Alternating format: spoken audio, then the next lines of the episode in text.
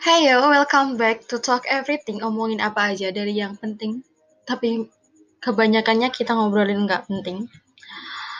Setelah sekian lama aku nganggurin podcast ini, aku ngerasa ya I get idea, so aku balik lagi ke sini. Kali ini aku mau ngebahas tentang sesuatu yang akhir-akhir ini aku rasain. Jadi akhir-akhir ini aku merasa terlalu menggantungkan diriku itu sama orang lain. Um, terlalu berharap lebih sama orang lain.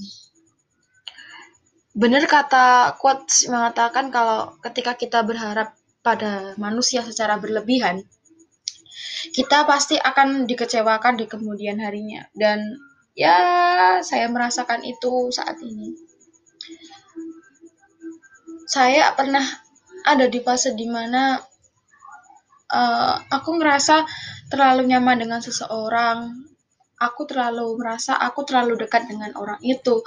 Sehingga I can tell everything to him dan ya ketika tiba-tiba dia ngejauh it's like aku kehilangan tempat terpercayaku untuk mm, bercerita satu dua hal kalau ditanya perasaanku saat itu yang jelas aku merasa terbuang kayak kayak aku kehilangan seseorang yang bener-bener aku percaya lalu hilang gitu aja. But it's okay no problem for for now. Aku udah nggak apa-apa. Dalam tahap fase-fase seperti itu tuh kadang aku lebih condong untuk menyalahkan diriku sendiri. Ketika seseorang ngejauh dari aku aku selalu berpikir kalau pasti ada sesuatu yang salah dengan aku cuma namanya manusia Mudah untuk menemukan kesalahan orang lain terlapit, tetapi terlalu sulit untuk menemukan kesalahan diri sendiri. Hampir entah berapa lama aku itu selalu nyalain diriku sendiri, kecewa dengan diriku sendiri. Apa sih yang bikin orang itu ngejauh? Um, kebiasaanku yang seperti apa yang bikin orang itu menjauh?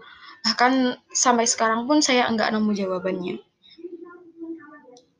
Tapi pada akhirnya aku memutuskan untuk berhenti menyalahkan diri sendiri. Karena hidup itu selalu ada fasenya. Ada fase di mana kamu merasa asing dengan orang tersebut, lalu dari fase asing itu, kamu akan beranjak menuju fase yang sedikit lebih dekat. Di fase yang lebih dekat, kalian berkenalan, dan di fase itulah kalian akan menuju fase dekat. Dan namanya yang fase dekat, fase nyaman tidak selamanya akan bertahan. Akan ada waktunya fase itu perlahan terkikis. Karena sesuatu yang nyaman itu suatu saat akan terbuang. Dan setelah fase nyaman itu, perlahan semuanya mulai beda menurutku. Di situ pilihannya tinggal kembali ke aku.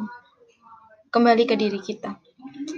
Bertahan dengan fase itu atau pergi beranjak mencari orang baru yang jauh lebih nyaman. Aku sendiri lebih memilih untuk bertahan di fase itu. Meski pada akhirnya kita nggak akan kembali lagi ke fase nyaman, karena tidak ada yang hal yang sama adalah untuk kedua kalinya.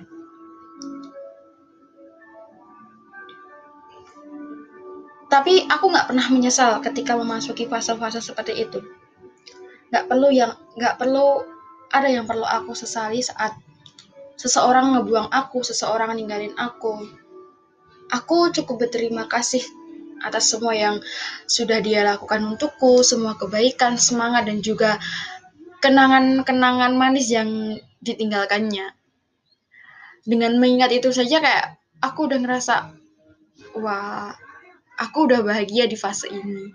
Seenggaknya bukan aku yang meninggalkan, tetapi dia yang meninggalkan